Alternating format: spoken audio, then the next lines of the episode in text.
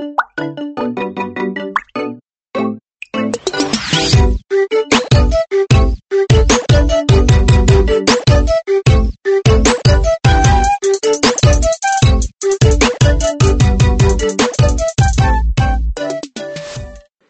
selamat malam, Selamat tidur. selamat pagi. Selamat siang. Oke, pose 3 kita ngomongin apa nih? Episode 3 Ih, kita harus ngomongnya eh, sinetron kenalan dulu kali, Poy. Kenalan mulu tiap episode. Iyalah, orang rapot aja kenalan, kita enggak. Tapi kan nggak tiap episode. Ya udah kita kenalan aja. Udah deh, deh, ngalah deh. Kan emang kayak gitu. Cowok harus ngalah tahu dari cewek. Harus siap Ayo, lanjut, menampung. lanjut, lanjut. Ih, oke deh. Halo semua, aku Mori. Aku popoy. Eh, Ih, kenapa langsung cuma itu identitas, guys. Kenapa emangnya? Ya udah aku Depa. Depa atau Dede? Depa dong. Ya, Depa tergantung skala kepentingan orang-orang. Kalau orang kantor atau orang yang nggak terlalu dekat pasti manggilnya Dede. Kalau orang dekat pasti manggilnya Depa. Kalau popoy manggilnya Dede. Berarti nggak terlalu deket kan? Ayo, gimana coba? Kan katamu nggak dekat, tapi kita selalu dekat dari hati. Uh. Oke, Kenapa ngomongin jauh? apaan? Emang lu nggak tahu kita ngomong apa? Ngomongin apaan ini? Kita ngomongin soal ekspektasi, ekspektasi manusia. Kan lu tuh yang nggak bisa ngeletakkan ekspektasi lu. Maksudnya gimana? Jadi gini, lu pernah nggak ngalamin satu hal yang di mana lu pengen, contoh nih ya, lu pengen beli sesuatu barang, lu pasti akan mikirin, "Eh, gue pasti mampu buat dapet duit, terus langsung deh beli barang yang gue mau. Eh nggak taunya uang lu kebakar, uang lu jatuh, uang lu dicuri orang ujungnya kan kecewa kita nggak sempet beli barangnya lu pernah punya pengalaman soal ekspektasi gitu gak Hmm, ekspektasi ya, ekspektasi. Gimana ya? Kayaknya gue kurang banyak berekspektasi deh. Gue tuh naruh ekspektasi tuh selalu rendah, nggak pernah tinggi tinggi, biar gue nggak kecewa-cewa banget, nggak sedih-sedih banget. Makanya bisa dikontrol sedih sama kecewanya. Tunggu gue inget-inget deh. Udah nggak ya? Ada.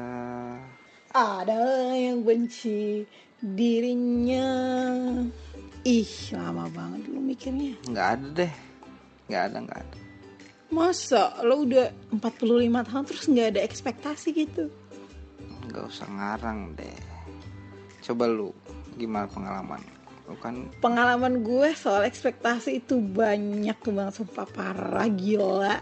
Like a influencer fuck fuck itu Astagfirullah kita nggak bisa sarkas. Eh kembali ke topik. Gue pernah eh, berekspektasi setelah gue kuliah gue akan melanjutkan studi. Setelah melanjutkan studi gue akan kerja gue akan jadi orang yang paling bisa apa pun karena gue ngerasa diri gue mampu gitu ngerjain sesuatu. Tapi pas setelah gue kuliah big no. Gue nggak bisa ngerjain apa-apa tau nggak? Gue gue gue terlalu meletakkan ekspektasi gue tinggi setinggi tinggi mungkin. Bayangkan ekspektasi itu gue lebih nganggap ekspektasi gitu kayak mimpi gitu mimpi yang sebenarnya harus diraih. Tapi itu sebenarnya menyakitkan banget buat gue tau.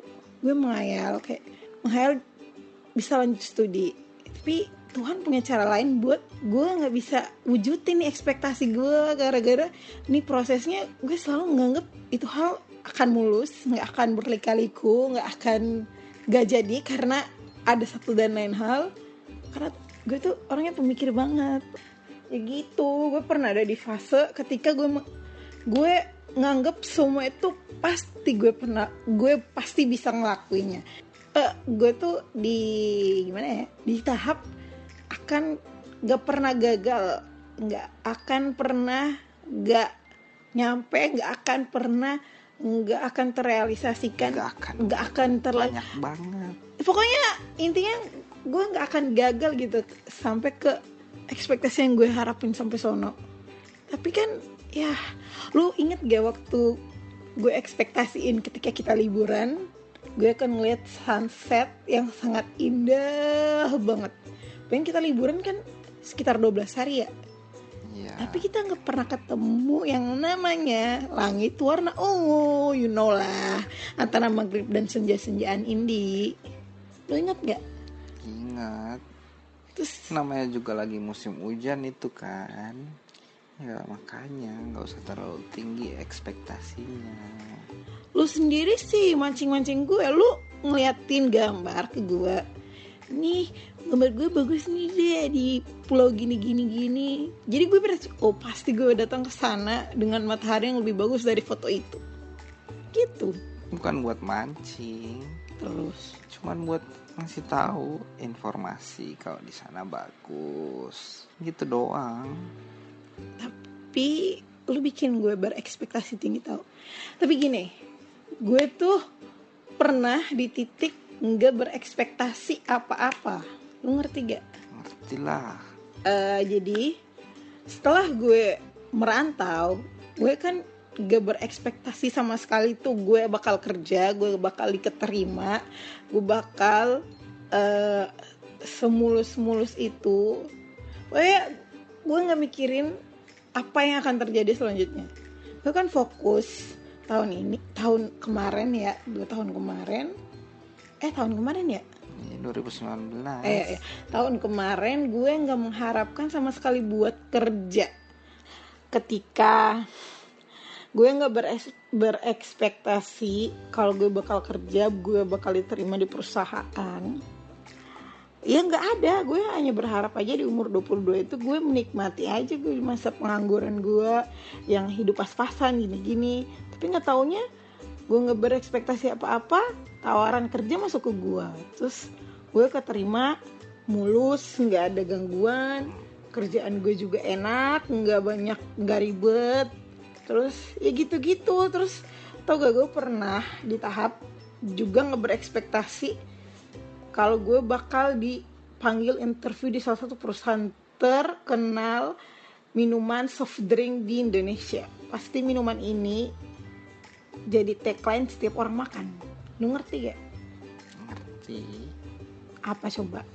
Teh botol sosro alright. Gue pernah di interview sama teh botol sosok. Terus bayangin gue nggak berekspektasi bakal diterima nggak berekspektasi bakal ujian nggak ber- pokoknya nggak sama sekali kepikiran buat di sono. Nggak taunya gue dapat telepon katanya gue lulus di interview. Udah gue datang di kantor datang di kantor pas di interview datang 40 orang. Bayangin yang diterima cuma dua orang doang. Udah 40 orang di interview. Setelah di interview ternyata di 40 orang yang diterima tau gak berapa? Empat orang doang. Nah terus tadi katanya dua orang doang. Kok ya tunggu empat? dulu. Itu kan baru interview tahap kompetensi dasar. Ya kita belajar eh kita diuji sama kita di interview soal kemampuan kita. Udah itu. Ya alhamdulillah gue lolos. Udah selanjutnya dari 40 orang yang lolos 4 tapi yang keterima cuma dua doang gitu. Nah dari empat itu gue adalah orang yang paling muda banget di interview di situ. Tiga tiganya itu udah pengalaman kerja. Terus yang satu pokoknya tiganya udah pengalaman kerja dan gue sendiri yang fresh graduate. Terus salahnya gue saya gue udah udah mulai tinggi nih ekspektasi oke gue bakal diterima gue gini insya Allah terus kalau gini gue bakal ngekos di sini gini. Kayak udah sampai di tahap situ malahan gue semakin berekspektasi ekspektasi gue nggak di nggak diaminin oleh Tuhan. Ngerti gak kecewanya kayak gimana? Tapi karena di situ belum gue nggak menaruh ekspektasi kalau gue bakal kerja di tahun itu nggak sama sekali. Jadi ya udah berlalu begitu aja dan gak lama dari situ selang seminggu eh, gue kembali dipanggil interview. Dan langsung besoknya kerja. Kayak nggak sadar gitu. Lah minggu kemarin gue masih asik-asik nih have fun. Tidur jam berapa bangun jam berapa. Eh tapi udah udah kerja. Udah gitu aja. Terus jadi dari situ gue belajar sama pengalaman gue nih ya. Kalau kita menaruh ekspektasi itu mending ke apa ya? Keapaan gue lupa sumpah. Lu dah taruh ekspektasi tuh ke bawah nggak usah ke atas terlalu tinggi gitu. Ya beda orang ekspektasi yang tinggi. Kalau gue kan pemikir lu kan kagak makanya jangan terlalu mikir juga. Mikir tuh ada kadarnya. Harus dibatesin mikir apa. Nggak semuanya juga dipikirin. Otak tuh harus dijaga biar nggak terlalu banyak mikir. Hmm. Tapi gue juga pernah di tahap ketika ekspektasi gue nggak sesuai dengan apa yang gue harapin, yaitu stres. pemicu stres kebanyakan mikir salah satunya. Pasti memicu stres mikir ini mikir itu bikin tiap orang jadi stres. Banyak pikiran pusing bikin sakit. Kan namanya juga gue berkembang di lingkungan Indonesia. Yang apa-apa mesti mikir dulu, mikirin di mana perasaan orang lain kayak gimana.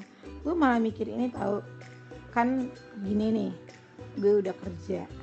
Setelah gue udah kerja, gue mikir lagi, apakah gue kerja ini bisa membantu orang tua gue? Oke, gue udah bantu. Setelah gue bantu, apakah yang gue bantu ini cukup memenuhi buat kebutuhan orang tua gue? Gitu. Kedua, ketiganya, apa gue kerja terus dengan dengan berjauhan dengan orang tua gini buat mereka bahagia nggak? Kayak hal-hal yang sebenarnya nggak bisa di nggak nggak usah dipikirin, malah gue jadi pikirin. Oke, jadi pertama tuh kebahagiaan diri sendiri dulu. Pikir diri sendiri, diri sendiri udah bahagia, baru bahagian orang lain. Jangan bahagian orang lain dulu, baru bahagiain diri sendiri. Yang kebalik dong. Diri sendiri nggak bahagia, terus ngebahagiain orang lain. Kita tuh berbagi kebahagiaan, bukan ngambil kebahagiaan dari mana, terus dikasih ke orang. Gitu prosesnya. Kalau lu nganggep lebih mentingin kebahagiaan diri lu sendiri apa orang lain? bagian diri sendiri dong Contohnya kebahagiaan diri sendiri menurut lu kayak gimana? kebahagiaan kebahagiaan kecil aja dari kita berdua makan itu udah bikin bahagia kok makan sepuasnya makan apa aja bisa bener kan Iya benar. Lah gimana coba kita? Iya sih sebenarnya mungkin karena gue lebih kepikiran orang lain kali ya. Gak mau orang lain tuh nganggap gue kayak gini kayak gitu. Jadi padahal orang lain belum tentu mikirin gue. iya bener banget itu Ya semoga aja deh yang terbaik buat kita semua yang denger, yang pengen ekspektasinya jauh. Terus eh, lu pernah dengar teori stokis nggak? stokis apaan Apa sih? stoicism kali Stoicism ya, stokis. Stokis itu bukan yang dipakai di kaki ya. stalking itu Oke, stalking itu bukan kayak lu lihat-lihat Instagram gue, lu stalking ya. itu starving Itu starving bukan lagu. ya Aditya Promono Apaan? Gak jelas. terus apa dong It's like a bat ding ding ding ding ding ding ya, itu itu Nah, TikTok deh lu anak TikTok dasar daripada lu anak bapak lu. lu berarti bukan anak bapak lu Gue anak gue anak haram. iya deh amin Astagfirullah, jahat banget lu doain gue anak haram. yang doa juga siapa cuma ngaminin Jangan dong diamin. Kasian yang gue. oke lanjut teori stoicism Teori stoicism. Tunggu bentar gue google dulu.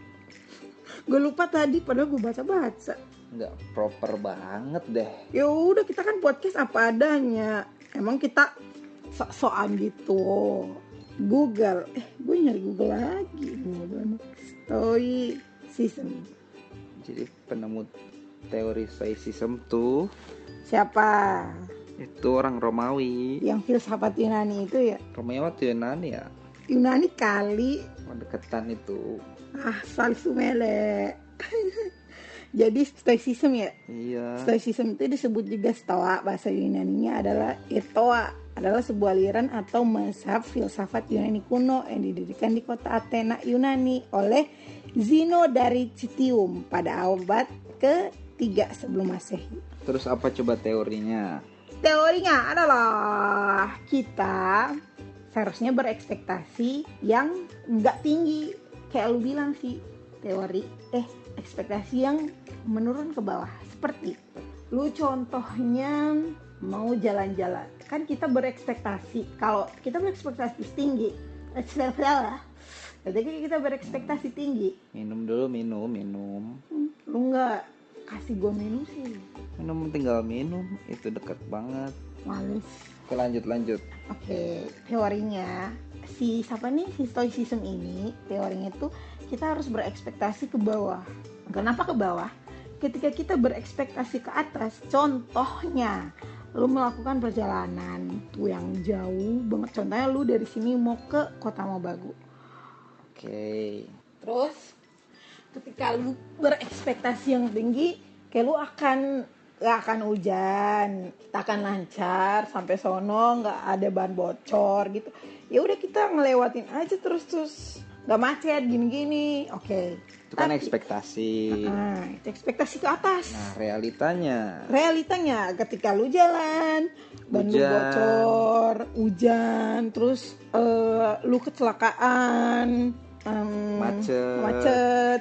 Jadi nggak sesuai ekspektasi lu. Yang lu ekspektasiin lu dari sini ke Kota Mobagu, contohnya 8 jam. Eh taunya realitanya lu jalan dari Gorontalo ke Kota Mobagu ternyata 12 jam kan lu kecewa lu sakit hati contoh lagi lu mau ke kota Mobagu umpamanya ada janji ketemu orang jam sekian. Tapi lu ngelewat tuh kan sakit hati sendiri makan hati sendiri gedut kayak lu gendut. Nah makanya ekspektasi itu ke bawah kayak kota baru kan misalnya. Mm-mm. Nah ekspektasinya ya udah kali aja nanti ada apa-apa di jalan bisa jadi ban bocor bisa jadi kena hujan. Beda-beda tipis sama pesimis sih tapi bukan pesimis itu tuh cuman asumsi lu doang. Ke bawah biar Iya. nantinya kita nggak kecewa kita nggak sedih gitu. Emang beda tipis tapi ya tetap beda. Tapi gue juga termasuk orang yang pernah berpengalaman kayak gitu. Kayak kita kita nih kan pengen jalan pengen traveling. Tapi ekspektasi gue ketika jalan gue takutnya ini ekspektasi gue ya. Ketika kita jalan kita takut ban bocor gini gini gini gini. Malah itu nggak bikin kita jalan. Malah jadi suatu bahan buat kita nggak bisa ngelakuin apa-apa. Itu namanya alasan. Kok alasan? Ekspektasi. Iya dong lu malah takut semua yang kejadian jadinya nggak jadi nggak dilakuin nggak ada aksinya. Tapi kemarin kita jadi tahu kita ke kota Mobagu gimana? Kan kita nggak berekspektasi tuh ke sono. Kita pergi aja ngabarin orang sono kagak ada. Kita malah berekspektasinya kita cuma sampai Mobagu doang. Nggak taunya sampai kota Mobagu. Pas sampai kota Mobagu, gue seneng minta ampun. Karena apa?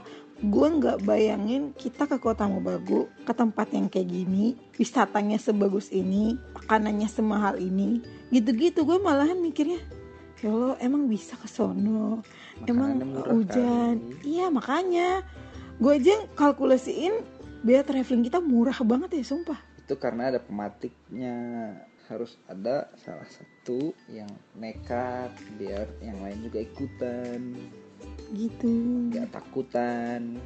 Kalau takutan nggak bakalan jadi. Jadi menurut lu gimana ketika eh, orang-orang yang pengen dia berekspektasi dia pengen kan pada kebanyakan nih ya circle gue mereka pengen cabut gitu dari Girintili ini terus? Mereka berekspektasi ya you know lah. Gue bakal sukses di sono. Gue bakal gini di sono. Gue bakal- ya gitu nggak akan ada halangan. Gue bakal ada orang dalam di sono gitu gitu saran lu kepada orang-orang yang gitu gimana? Ya balik lagi yang ke tadi ekspektasin serendah mungkin. Walaupun punya orang dalam kali aja orang dalam kurang kuat. Kalau udah ada backingan kali aja backingannya masih lombok ekspektasi ke bawah mungkin deh. Jadi kalau nggak keterima kerja nggak dapat kerja atau nggak dapat apa yang dia mau ya nggak kecewa banget. Terus kalau dapat kerja terima kerja ya kita jadi bisa bersyukur lebih dong ya kan? Iya, tapi ekspektasi sih kayak kita memberikan kita memberikan hati kita biar nggak ke atas gitu. Lu ngerti gak maksud gue? enggak enggak coba jelasin Gini gini gini. Em, apa ya gue mau, mau bilang susah banget sih gue ngertiin lu. Gue juga sih nggak jelas ngomong apaan. lagian makanya mikir dulu kalau ngomong Tadi gue udah mikir, terus gue pengen ngeluarin tapi lu masih ngomong. Ya udah gue lupa.